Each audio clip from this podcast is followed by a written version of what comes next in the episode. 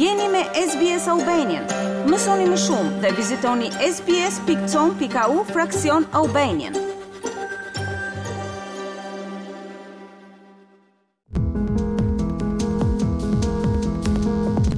Një në tetë nga speciet e shpendëve në botë kërcënohet me zhdukje dhe shumë të tjerë janë në rënie, sipas një raporti të ri të lëshuar nga BirdLife International.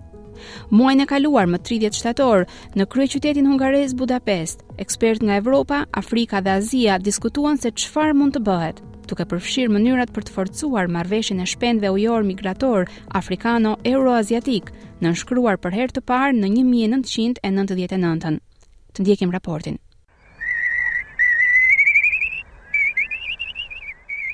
Ky është një tingull që askush në botë mund të mos ta dëgjojë më. Është zëri i kojlikut të vogël, regjistruar nga Adam Gretton në parkun kombëtar Merja Zerga në Marok në 1990-ën. Ky zog tashmë besohet se është pothuajse i zhdukur. Kënga e tij është lehtësisht e dallueshme nga kënga e Kojlikut të Madh ose e Kojlikut Euroaziatik të regjistruar në Portugali këtë verë. Midis shpendëve ujorë shtegtarë, nën presion të veçantë janë zogjtë e ujërave të cekëta bregdetare ose liqenore, që varen nga këto ujëra për t'u ushqyer. Vlerësohet se tashmë kanë mbetur rreth gjashtëdhjetë mijë zogj të quajtur kojlikët euroaziatikë. Një kërcënim i ri për ta është aeroporti i dytë i planifikuar në Lisbonë në grykëderdhjen e lumit Tagus, sipas Jose Alves, një biolog në Universitetin Aveiro.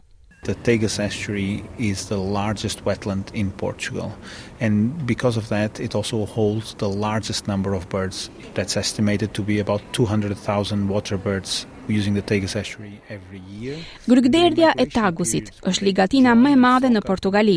Dhe për shkak të kësaj, aty gjendet numri më i madh i zogjve. Vlerësohet të jenë rreth 200.000 zogj uji që vijnë në grykëderdhjen e Tagusit për çdo vit. Dhe gjatë periudhave të migrimit, ato bashkohen dhe grumbullohen në grykëderdhjen e Tagusit për t'u ushqyer përpara udhëtimeve të tyre migratore. Dhe kështu që shifrat mund të shkojnë deri dhe në 300.000 shpendë. Ndërsa ky ishte tingulli i gjelëzës me bisht të zi, një tjetër vizitore e rregullt në Portugali. Aeroporti i Lisbonës ka marrë tashmë lejen e planifikimit, por ndërtimi i tij është lënë pezull nga çështjet gjyqësore të nisura prej kundërshtarëve të projektit, duke përfshirë biologun Jose Alves. Në parashtrimet e tyre në gjykatë, ata janë ndihmuar nga përparimet teknologjike, të cilat i kanë mundësuar t'u vendosin zogjve pajisje monitorimi që peshojnë më pak se dy gram. Përmes këtyre pajisjeve, ata mund të vërtetojnë se sa shpesh kalojnë zogjtë mbi grykëderdhje dhe se si shtigjet e fluturimit të avionëve do të shkatërronin bazat e rëndësishme të ushqimit të shpendëve. Një tjetër zog, pulbardha kokëzezë, është tashmë viktimë e një sfide shumë të ndryshme nga e para, por edhe ajo e krijuar nga njeriu, lufta në Ukrainë. Një vend i preferuar për këtë zog ishte Parku Natyror Kombëtar Meotyda, në bregun e detit Azov në Ukrainë. Raportet që kanë mbërritur në qeverinë ukrainase sugjerojnë se këta zogj nuk janë parë më që nga pushtimi rus, së bashku me pelikanët kaçurrel dhe laraskës së detit. Doktor Volidimir Domashlinec është delegati ukrainas që mori pjesë në takimin e Budapestit. At least we have already elaboration of the plan. Ne e kemi përpunuar tashmë planin se çfarë duhet bërë pas përfundimit të luftës, duke përfshirë edhe disa projekte për kafshët e egra. Kemi një grup ekspertësh që përpiqet të punojnë me zonat e mbrojtura dhe si t'i restaurojnë ato.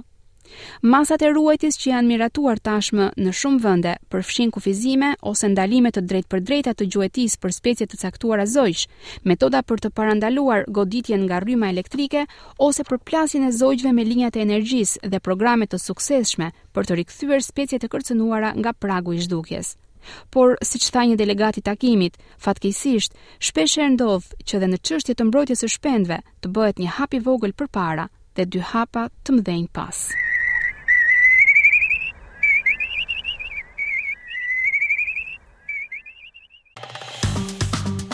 A ju pëlqeu ky reportazh? Për më shumë vizitoni Apple Podcast, Spotify ose faqet e tjera të podcast.